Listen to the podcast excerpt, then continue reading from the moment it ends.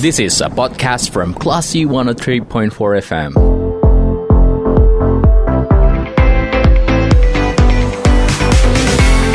Growing Up with Coach Alka, only on Classy FM.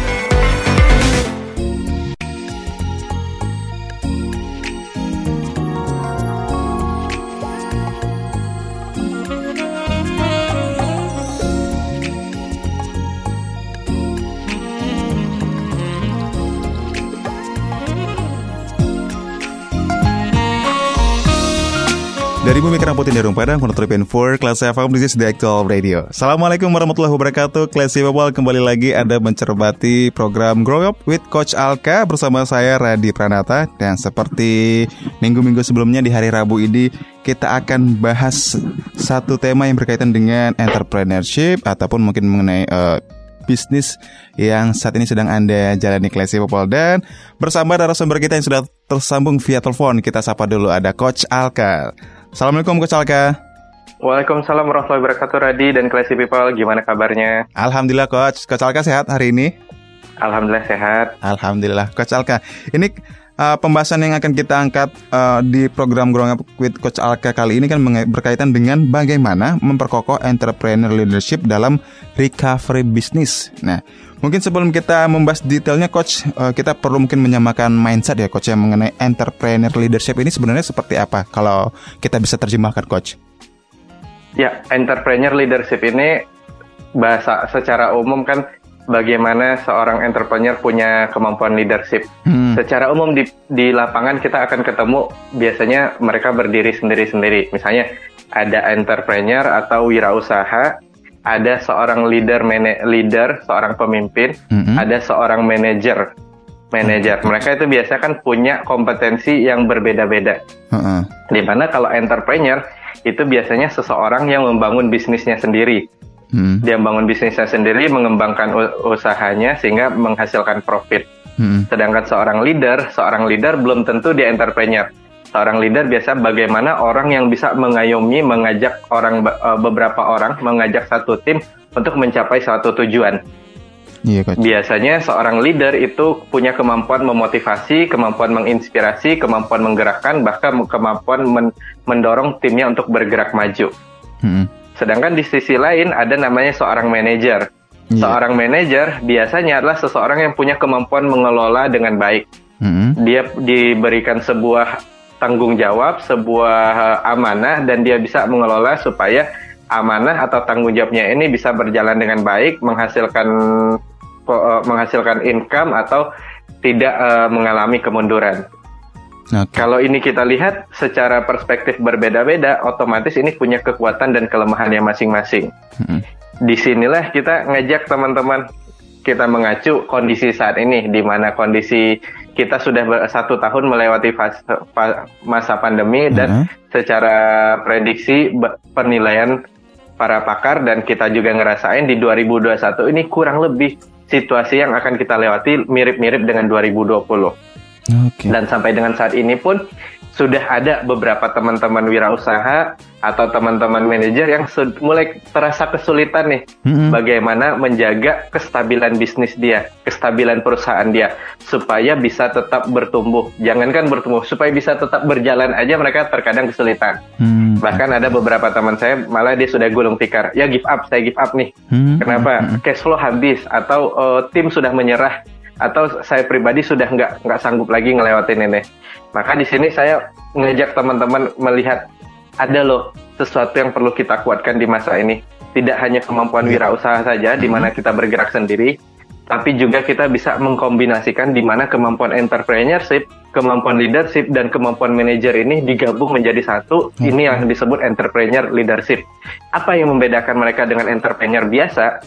Entrepreneur biasa itu kecenderungannya sebutan bagi orang-orang yang memiliki usaha sendiri dan kecenderungan dia berpikir dan bergerak sendiri. Walaupun dia punya karyawan, lebih uh, menginstruksi. Mm-hmm. Perbedaannya dengan entrepreneur leader adalah dia juga memiliki usaha dan dia bisa punya kemampuan memimpin. Jadi dia bisa aktif, kreatif, inovatif mengembangkan usahanya dan menggerakkan timnya dan juga bisa mengelola dengan baik sehingga apa pun kondisi sulit yang dia hadapi, dia tidak berjalan sendirian. Dia punya tim yang kuat dan dia punya tim yang solid begitu. Oke, berarti di masa pandemi ini Coach Alka, entrepreneur leadership ini sangat dibutuhkan untuk survive atau bahkan bisa lebih untung lagi dibandingkan sebelum-sebelumnya? Yes, betul sekali. Di masa pandemi ini sangat terasa pentingnya seorang pemimpin, seorang leader dan seorang uh, wirausaha hmm. melatih kemampuan entrepreneur leadership dia. Kenapa? Kita perlu sadar, kita sebagai manusia Allah berkahi kita punya kekuatan dan Allah juga kasih kita ada sisi-sisi yang tidak mampu kita lewati atau kita hmm. sebut kelemahan. Otomatis kalau kita bergerak sendiri, bergerak sendiri dengan tekanan cukup uh, kompleks di masa ini, di mana ada pembayaran macet, di mana hmm. ada suplai barang yang terhenti, di mana ada penurunan daya beli. Kalau kita hadapi sendiri, pada satu titik kita akan stuck. Ada yang beberapa yang stuck, ada yang bisa melewati maka ajakan kami adalah bagaimana teman-teman melakukan ini tidak sendiri. Bagaimana teman-teman menemukan kompetensi-kompetensi kekuatan-kekuatan yang ada pada tim dia. Jadi tim yang ada tidak hanya mengerjakan pekerjaan yang sesuai SOP atau instruksinya, tapi bangun tim yang ada ini juga punya ke semangat entrepreneurship. Mm-hmm. Apa itu semangat entrepreneurship? Semangat di mana mereka juga merasa memiliki bisnis ini dan mereka merasa penting untuk menjaga bisnis ini terus bertumbuh supaya apa? Supaya diri mereka, keluarga mereka dan perusahaan ini terus profit dan terus berkembang. Dan ini tidak semua orang punya kemampuan ini. Dan tidak semua pengusaha atau wirausaha yang punya kemampuan ini. Kenapa? Terkadang ada beberapa orang punya limiting belief bahwa saya tidak bisa, tidak mudah percaya dengan orang. Mm -hmm. Saya tidak bisa membagikan rahasia-rahasia saya pada orang dan ini membatasi mereka untuk mengeksplor kemampuan leadership dan manajerial mereka. Mereka tidak berani mendelegasikan, bahkan mereka tidak berani membiarkan tim mereka mengambil sebuah keputusan yang sifatnya masih 50-50. Bisa berhasil, bisa tidak berhasil. Padahal, kita kalau kita lihat sisi terangnya adalah ketika tim kita, ketika anggota kita, ketika uh, orang-orang kepercayaan kita berani ambil sebuah keputusan, sebut saja bisa jadi itu salah, mm-hmm. tapi mereka dengan penuh tanggung jawab, bisa jadi di selanjutnya mereka menemukan sisi yang berbeda diri dia bahwa ternyata saya punya potensi yang lebih besar dibanding yang saya punya selama ini. Dan saya bersyukur punya pimpinan, punya bos yang kasih saya kepercayaan. Inilah yang disebut leadership entrepreneur leadership menjadi motor penggerak bagaimana sebuah bisnis bisa survive, tumbuh hmm. dan me memimpin persaingan pasar begitu. Oke, nah ini kan sudah hampir satu tahun ya coach ya masa pandemi kita rasakan apalagi bagi bisnis owner. Nah uh, untuk kita bisa membedakan mana nih pebisnis yang sepertinya sudah memiliki entrepreneur leadership dan mana yang masih belum nih coach. Bisa kita bedakan mungkin secara uh, tindakannya atau mungkin hal-hal lainnya coach? Ya, akan nampak bedanya bagaimana seorang pembisnis yang punya entrepreneur leadership atau belum. Kita sebut saja belum. Okay. Karena bisa jadi mereka belum mengasah kemampuannya. Mm -hmm. Ciri pertama itu adalah apa yang beda wirausaha yang punya kemampuan entrepreneur leadership sama wirausaha yang uh, belum memiliki. Yang pertama, mereka selalu meningkatkan kemampuan diri. Sebut okay. nanti kita lihat di lapangan. Ada kita punya teman-teman yang hmm. mereka punya bisnis, mereka punya misalnya satu usaha dan dia merasa ah ini saja sudah cukup. Hmm. Yang penting saya fasenya menikmati. Ini yang kita sebut dia belum ada dorongan untuk kemampuan meningkatkan diri, meningkatkan kemampuan, belajar hal yang baru lagi, meningkatkan diri lagi. Seorang entrepreneur leadership yang dia pikirkan adalah bagaimana bisnis yang dia pegang saat ini bisa bermanfaat lebih banyak lagi kepada orang banyak, mm-hmm. bisa memberi impact lebih banyak lagi kepada lingkungan sekitar. Maka dia selalu berpikir bagaimana kemampuan saya perlu ditingkatkan dari hari ke hari. Itu yang pertama, itu yang membedakannya. Oke. Okay. Yang kedua, seorang entrepreneur leadership memiliki kemampuan teknis walaupun tidak detail, tapi dia bisa paham secara gambaran besarnya. Hmm. Seorang entrepreneur biasa atau terkadang sebut saja nanti ada lagi ada lagi yang bedakan entrepreneur dan pedagang. Hmm. Pedagang cenderung mereka fokusnya hanya trade in, hanya uh, jual beli saja. Hmm. Yang penting hari ini saya mendapatkan income dan uh, cukup untuk uh, biaya hidup saya ya sudah uh, besok besok aja dipikir.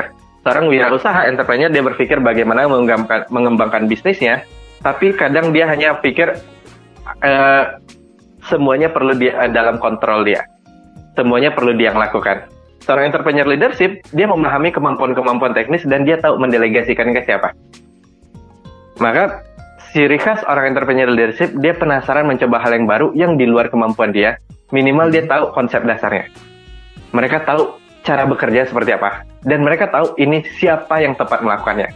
Contoh misalnya Kit, uh, Radi sebagai seorang entrepreneur leadership mm-hmm. di bidang misalnya uh, broadcasting. Mm-hmm. Mungkin untuk skill broadcasting Radi cukup kuat. Ada ada skill baru nih di masa sekarang di digital marketing. Yeah. Ada skill mm-hmm. baru yang namanya uh, gimana maintain masa. Skill itu nggak ada, tapi uh, Radi paham ini skill mm-hmm. sangat dibutuhkan kondisi saat ini. Maka Radi belajar kemampuan dasar digital marketing atau cari tahu kemampuan-kemampuan kunci-kunci digital marketing, kunci-kunci bagaimana menangani uh, persepsi masa, branding uh, per, uh, branding masa, lalu cari siapa orang yang tepat bisa uh, ambil tanggung jawab ini dan kasih dia kepercayaan dan kita kontrol. Inilah yang membedakan entrepreneur leadership sama entrepreneur biasa. Entrepreneur biasa mereka cenderung membatasi ah itu hmm. bukan bidang saya. Eh, saya cari orang aja deh. Mereka agak enggan untuk coba yang baru. Terus yang yang ketiga yang membedakannya lagi adalah dia berani bertanggung jawab untuk melakukan sebuah action Oke. Okay. uh, bagi diri dia maupun tim dia. Orang bisa uh, orang biasa mungkin ketika aja kes, me, terjadi kesalahan sesuatu yang tidak dia uh, inginkan terjadi cenderung dia ngeblame kan menyalahkan. Mm -hmm. Menyalahkan seorang entrepreneur leadership dia berani ambil tanggung jawab. Yes, ini ini adalah salah saya. Bahkan kesalahan yang dilakukan oleh tim dia, dia bisa mengatakan, yes ini salah saya. Di mana salahnya? Saya tidak mengontrol dia dengan baik. Mm-hmm. Untuk itu maka saya perlu memastikan tim saya memahami konsep dasar ini dan melakukannya dengan baik dan mereport kepada saya. Dan yang terakhir, yang membedakan karakter entrepreneur leadership adalah dengan uh, entrepreneur biasa, dia menjadi role model. Mm-hmm. Mungkin kalau wirausaha biasa dia hanya berfokus apa hmm. yang menjadi target dia mau mau dijalankan nggak dijalankan oleh tim dia yang penting dia hmm. mencapai target dia hmm. tapi as entrepreneur leadership dia seorang entrepreneur dan juga sebagai leader dia menjadi role model dia hmm. go first dia memberi contoh dia memberi tauladan dia mendorong dia mengajak tim dia ada hmm. masanya hmm. tim itu stuck maka dia mulai yuk saya bantu kerjain selanjutnya kamu yang kerjain ada masanya timnya itu down, yuk ngobrol sama saya apa hmm. apa permasalahannya dan selanjutnya kita uh, kamu lanjutkan begitu. Oke, nah ini kan kita sudah bisa membedakan nih coach mana yang yang memiliki entrepreneurial leadership, mana yang belum. Nah, tapi kalau di kondisi sekarang ini, misalnya kalau dunia bisnis seperti saat ini, bagaimana langkah-langkah seorang entrepreneur leadership yang tadi kita bahas bisa merecovery bisnisnya, coach? Yes, inilah yang skill utama yang perlu oh, dikuatkan seorang entrepreneur leadership karena dalam recovery bisnis ini tidak bisa dilakukan sendirian. Mm-hmm. Karena secara umum recovery bisnis uh, dan banyak beberapa teman-teman wirausaha uh, hanya stuck pada satu step dan tidak berani untuk melangkah ke step selanjutnya. Mm-hmm. Gambarannya seperti apa? Recovery bisnis kan kita biasanya di awal itu kondisi baik-baik saja, kondisi stabil, kondisi income bagus. Lalu terjadi pandemi ada beberapa bisnis yang settle yang tetap stabil, ada beberapa bisnis yang uh, jatuh terpuruk dalam kondisi pandemi. Jatuh hmm. mungkin dalam hal kehilangan customer hmm. karena pasarnya nggak bisa uh, nggak bisa bergerak di masa pandemi. Ada yang mereka kehabisan cash karena terjadi perlambatan uh, cash flow, banyak hmm. piutang-piutang yang macet. Bahkan ada yang kehilangan tim di mana bisnis-bisnis mereka tidak memungkinkan untuk melakukan di keram uh, yang bisnis-bisnis terkait keramaian dan tidak memungkinkan tim mereka uh, bekerja dalam kondisi ke saat ini. Mereka nggak bisa ngumpul keramaian. Bahkan ada hmm. juga yang mereka kehilangan partner. Contoh ada bisnis-bisnis yang terkait uh, ekspor impor kan, hmm. di mana mereka yeah, kesulitan nih uh, ber, me, menjalankan partnershipnya dengan baik di kondisi saat ini. Maka ada lima langkah yang mereka perlu lewati supaya bisnis mereka bisa terus survive bahkan terus bertumbuh. Langkah pertama itu adalah bagaimana mereka bisa survival, bertahan dulu, bertahan. Hmm. Langkah kedua setelah survival mereka masuk ke tahap pemulihan, langkah pemulihan. Langkah ketiga barulah mereka masuk ke fase new normal. Disebut new normal karena karena kondisi saat ini tidak sama dengan kondisi normal sebelum pandemi. Mm-mm. Maka di bisnis pun ada namanya fase new normal. Langkah ke setelah fase new normal baru mereka bisa masuk ke fase scale up.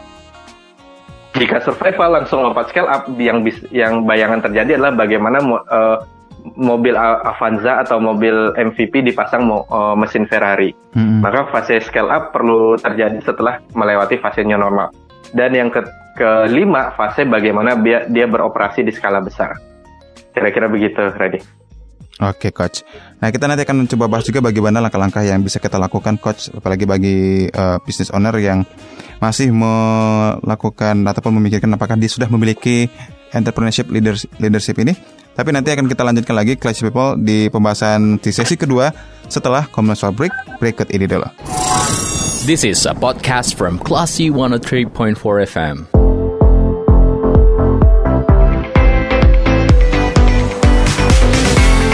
Growing Up with Coach Alka, only on Classy FM.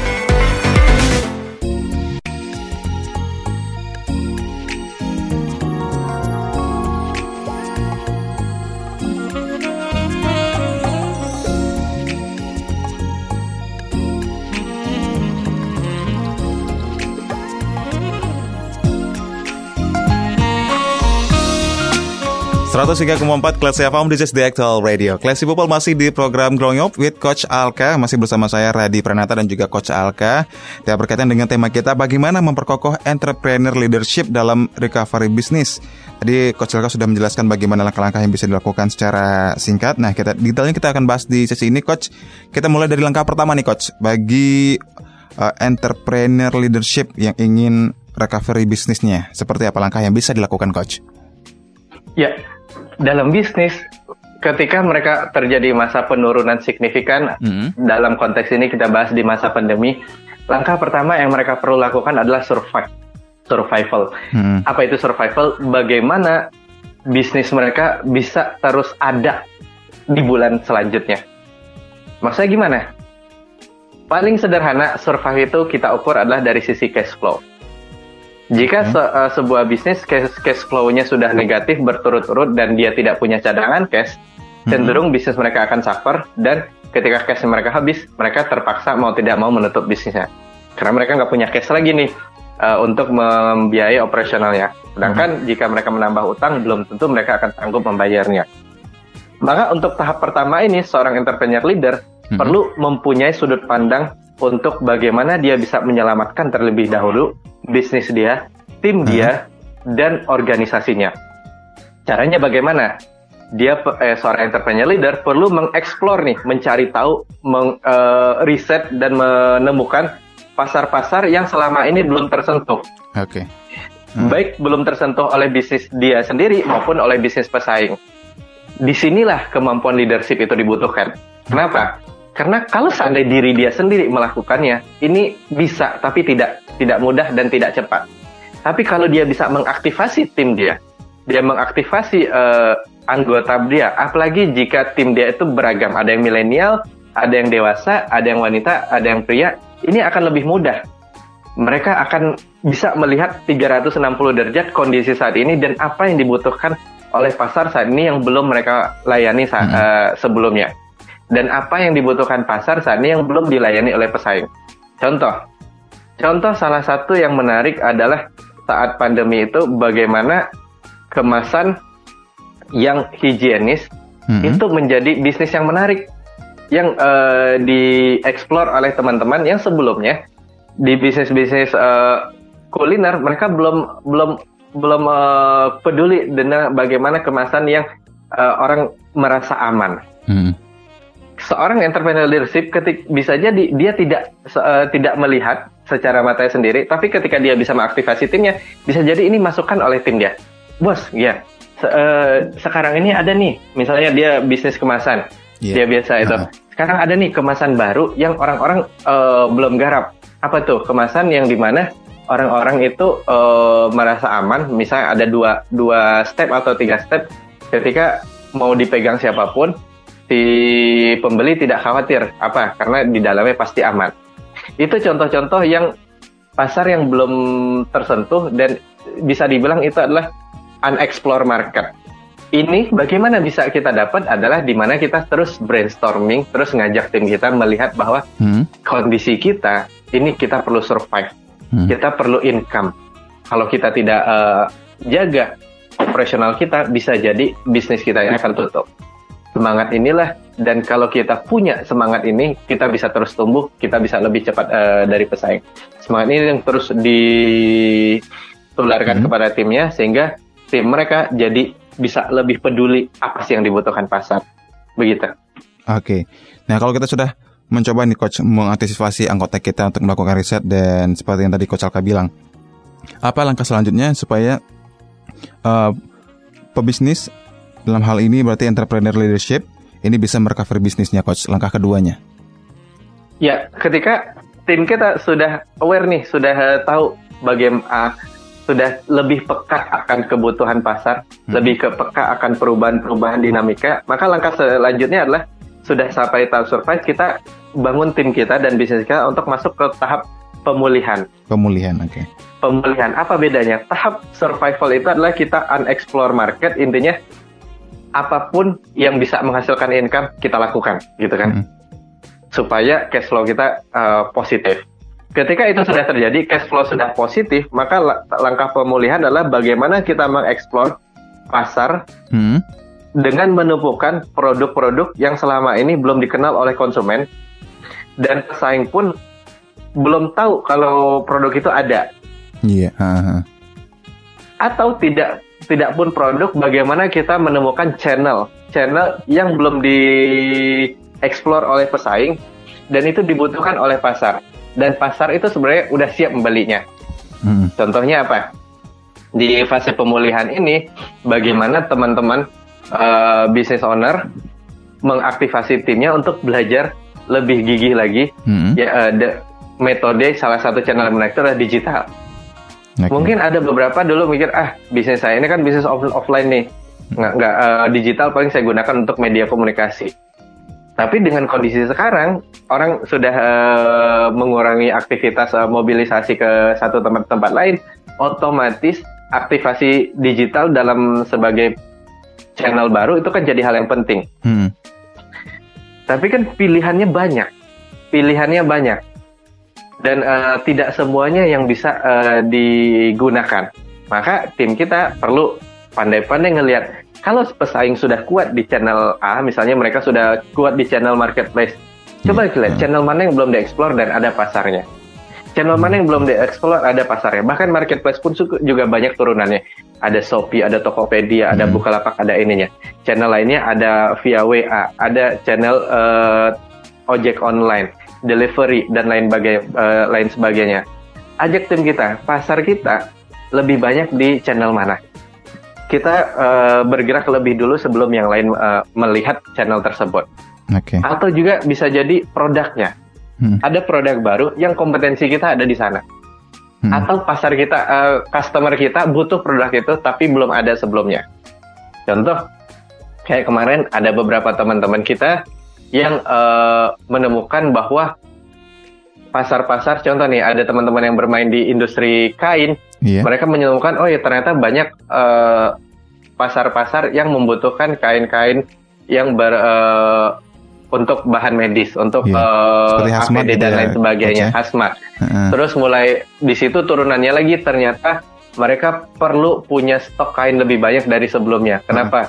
Kalau dulu kadang orang menggantinya seminggu dua minggu, sekarang tiga hari sudah perlu ganti. Setiap hari perlu ganti. Apalagi kalau mobilitas interaksi keluar tinggi, maka eh, yang namanya benda-benda harian itu perlu diganti lebih cepat.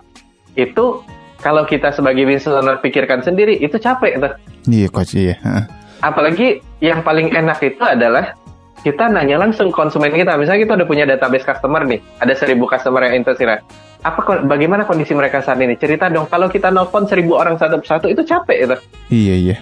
Itu bias malah kan kita. eh, tapi kalau tim kita sudah eh, sudah aktif semua, kemampuan leadership kita, kemampuan mindset entrepreneur kita sudah kita tularkan ke tim kita. Mereka inisiatif tuh. Minimal satu hari bisa mengkontak tiga atau empat orang deh, nanya kabar mereka.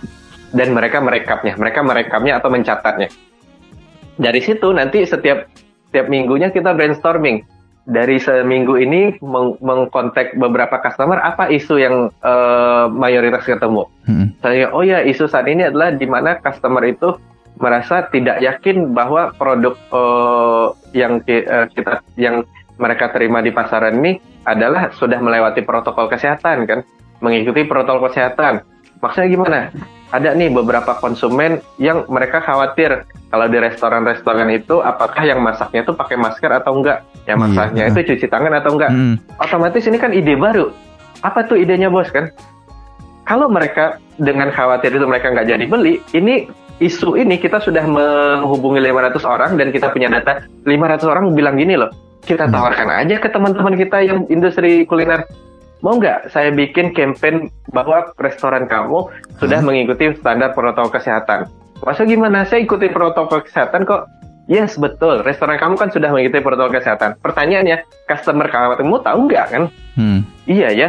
Oke, saya ini ada jasa bikin campaign uh, mengedukasikan protokol kesehatan melalui yang pertama melalui video, yang kedua melalui copywriting, yang ketiga melalui poster, yang hmm. keempat melalui sosial media, yang kelima melalui uh, press release. Kamu nggak usah pusing-pusing, tim saya siap membikinkannya ini artinya kan sebuah unexplored market yang market membutuhkan tapi dia nggak sadar dan yeah. pasarnya ada dan dia mau bayar. Hmm. Kapan ini bisa terjadi? Ketika tim kita sudah aktif secara total. Mindset mereka adalah di mana ada problem pasti butuh solusi, di mana hmm. ada permasalahan pasti butuh uh, bantuan. Mindset ini kan mindset entrepreneur. Jadi mindset entrepreneur ini tidak hanya dimiliki oleh business owner, tapi mindset entrepreneur ini dimiliki oleh tim. Bagaimana seorang tim yang punya mindset entrepreneur bisa bergerak dan loyal kepada uh, kepada bosnya? Mm-hmm. Di sinilah yang namanya kemampuan leadership. Mm. Kenapa? Kalau lead kemampuan seorang business owner tidak punya kemampuan leadership, kecenderungan tim mereka merasa tidak puas. Bisa hmm. jadi tidak puas ide mereka tidak didengarkan, tidak puas mereka tidak mendapatkan uh, fasilitas yang sesuai dengan mereka kebutuhan, tidak puas bagaimana uh, bagaimana eksplorasi mereka dibatasi. Di sinilah mereka seorang leadership bisa memahami itu, bisa memfasilitasi itu, dan bisa mendrive tim mereka terus bergerak. Begitu, Reddy. Oke, nah itu adalah cara cara yang bisa dilakukan oleh business owner gitu ya, coach. Ada dua baru yang kita bahas, coach. Nah mungkin sebelum kita break lagi di sesi ketiga, terakhir um, bisa langkah ketiganya seperti apa, coach? Untuk ya, ketika mereka sudah survive, cash flow mereka aman, hmm. terus mereka sudah uh, ma masuk fase pemulihan, bina, di mana seluruh tim itu bergerak aktif menemukan apa sih problem-problem yang di pasaran, yang kompetensi mereka ada di sana dan mereka bisa solving. Yang ketiga adalah masuk fase new normal. New, new normal itu adalah apa? Bagaimana mereka memaintain pasar lama, existing market, dan me memaintain pasar baru. Misalnya, di kita tadi ambil contoh industri jasa yeah. Ya. uh, komunikasi di mana sebelumnya dia sudah punya customer-customer lama untuk media komunikasi, mm-hmm. terus sekarang punya customer-customer baru untuk komunikasi uh, protokol kesehatan. Otomatis ini kan punya fase uh, pasar yang berbeda, punya uh, kebutuhan yang berbeda. Bagaimana dia bisa maintain ini terus bergerak, terus bertumbuh dan menemukan pasar yang lebih luas lagi.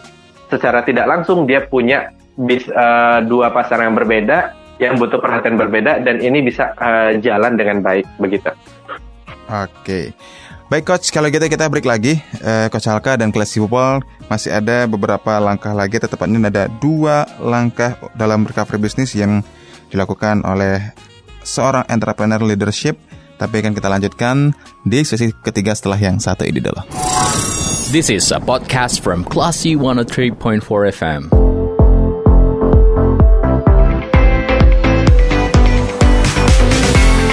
Growing Up with Coach Alka, only on Class FM.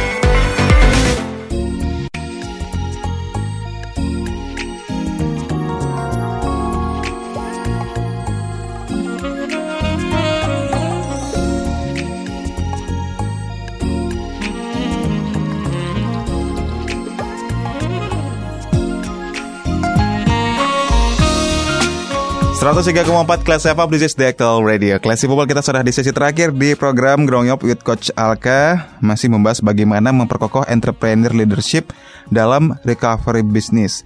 Nah Coach, uh, mungkin ada satu hal yang mengganjal dan ingin saya tanyakan sebelum kita ke langkah berikutnya untuk merecovery bisnis untuk dilakukan oleh seorang entrepreneur leadership. Kalau seandainya nih Coach, um, bisnis yang dijalani oleh seseorang itu mungkin sudah kolaps artinya ini sudah tidak bisa survive ini bisa dibilang uh, tidak bisa lagi untuk melakukan recovery bisnisnya, coach? Ya, ketika bisnis yang kolaps biasanya kan ada satu penyebab utamanya, misalnya kehabisan cash kah yeah. atau kehilangan tim, maka atau kehilangan pemasok dan lain sebagainya. Yang perlu dia lakukan itu adalah survival dulu. Jadi survival di step dulu. pertama, bagaimana hmm. dia uh, bisa uh, meng menggerakkan bisnisnya kembali masuk ke tahap survive.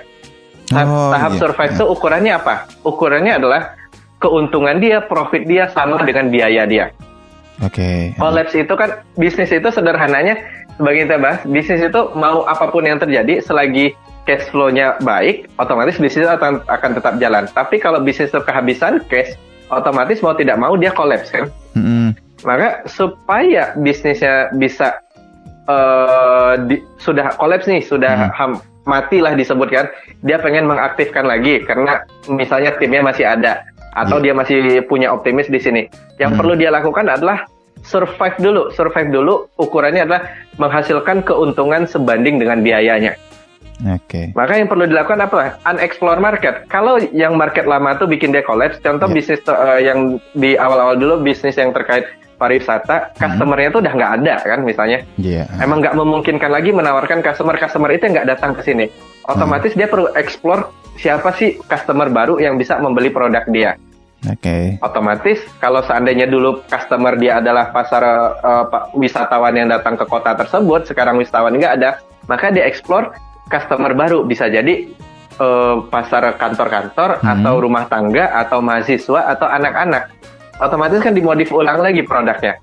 Di uh, di apa? direvisi lagi kalau pasar anak-anak berarti harganya diturunkan hmm. atau kemasannya dikecilkan. Kalau pasarnya perusahaan berarti kemasan yang di, uh, lebih eksklusif. Kalau pasarnya ibu rumah tangga mungkin lebih ekonomis atau lebih menarik. Ini yang perlu uh, dilakukan okay. sampai income dia lebih sudah sama dengan uh, pengeluaran dia pengeluaran. begitu.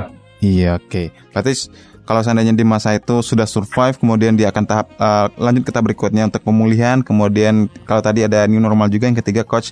Nah kalau gitu kita lanjut ke yang keempat nih, coach. Bagi uh, business owner, langkah-langkah yang bisa dilakukan dalam recovery bisnis bagi seorang entrepreneur leadership keempatnya apa, coach?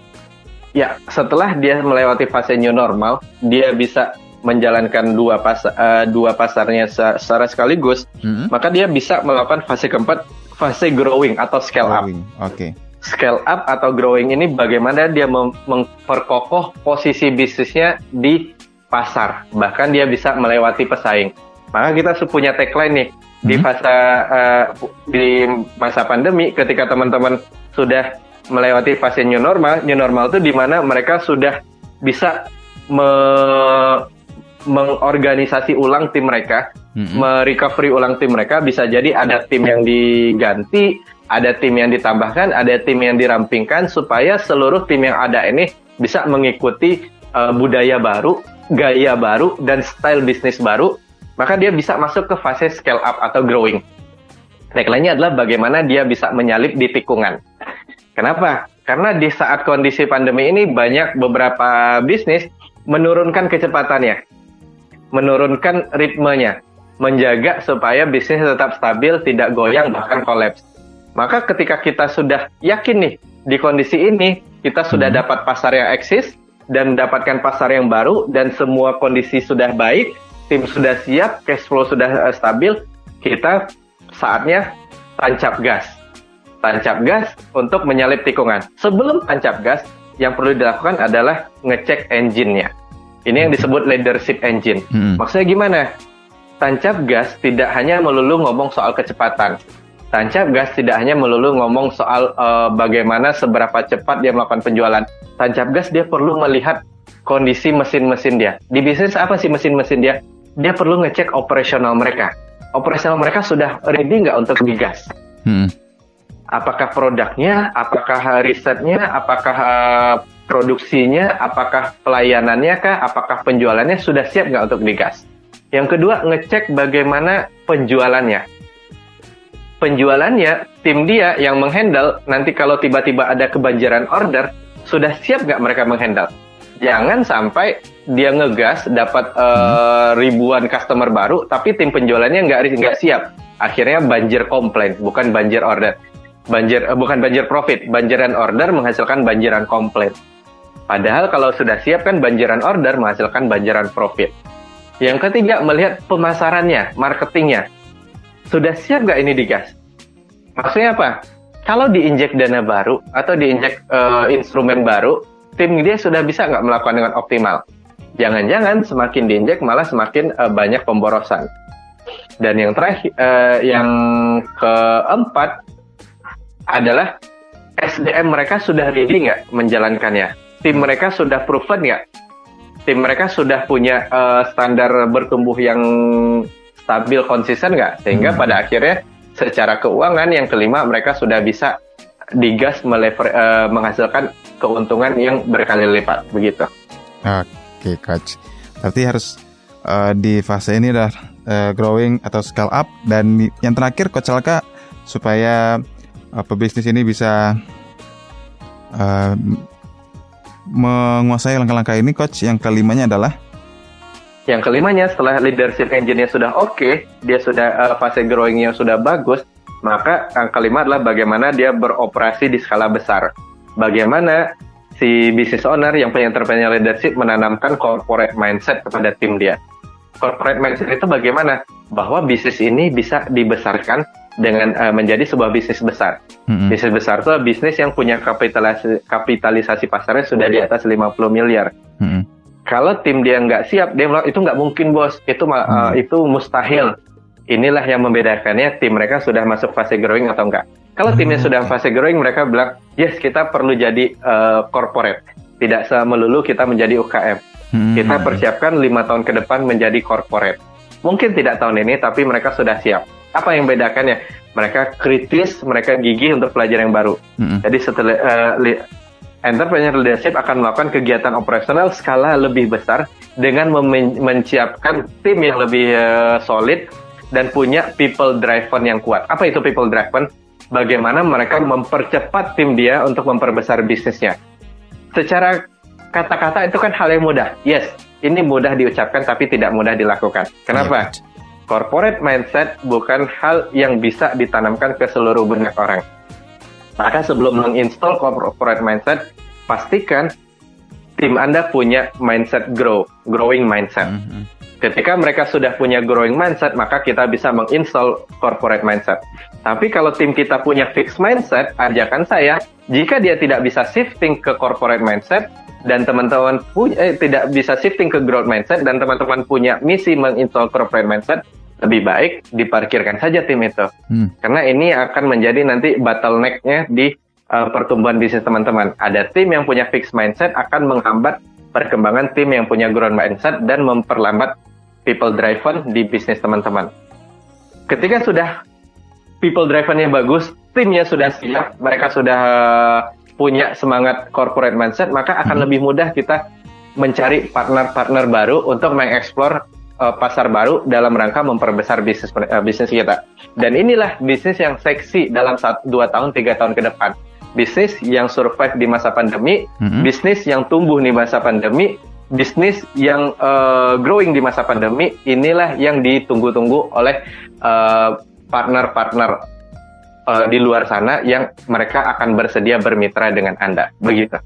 Oke. Nah, Coach Alka, dari lima lima uh, lima langkah tadi itu, apakah kelima limanya harus dilakukan atau mungkin bisa saja ini uh, sampai di tahap 4 saja cukup gitu, Coach atau gimana? Ya, inilah yang ajakan saya kepada teman-teman untuk memahami lima langkah ini. Mungkin dalam sesi satu jam ini teman-teman dapat gambaran ada hmm. loh lima langkah ini untuk uh, bertumbuh sehingga teman-teman yang sebelumnya berkutat di tahap survival saja yeah. punya semangat untuk wah ternyata survive aja tidak cukup. Saya perlu memul uh, pemulihan, mm-hmm. saya perlu masuk fase new normal dan saya bisa growing. Syukur-syukur di endingnya nanti saya bisa uh, ber, bergerak menuju skala corporate mindset. Iya. Bisa jadi tidak semua bisnis akan melewati fase ini, tapi ajakan saya semua bisnis owner yang mendengarkan ini menginstall lima fase ini dan okay. menanamkan dalam mindset uh, mereka bahwa kita as a business owner, as entrepreneur punya hak untuk terus bertumbuh, terus bergerak dan kita punya hak untuk menjadi tuan rumah di negeri kita sendiri. Kenapa? Okay. Setiap ada krisis pasti ada peluang. Pertanyaannya, siapalah siapa yang akan mengambil peluang ini? Apakah kita sebagai tuan rumah atau orang lain mengambil peluang ini? Hmm. Iya. Begitu. Pertanyaan besar ya coach ya. Kita atau orang lain yang akan memanfaatkan peluang ini. Oke. Okay. Yes, betul. Baik, Coach Alka, sudah satu jam pembahasan kita mengenai topik hari ini bagaimana memperkokoh entrepreneur leadership dalam recovery bisnis ya Coach.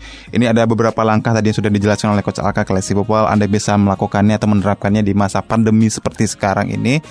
Dan terima kasih Coach Alka sudah share informasi yang sangat luar biasa. Mudah-mudahan ini bisa kembali men-trigger business owner ataupun bahkan uh, karyawan-karyawan uh, yang saat ini sedang mungkin berusaha untuk survive gitu ya Coach.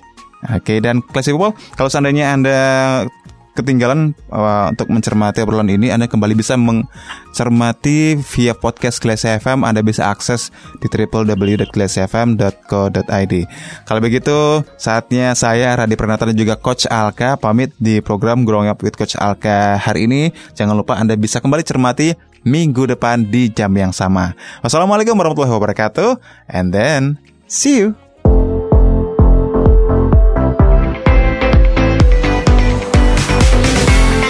Anda baru saja mencermati Growing Up with Coach Alka. See you.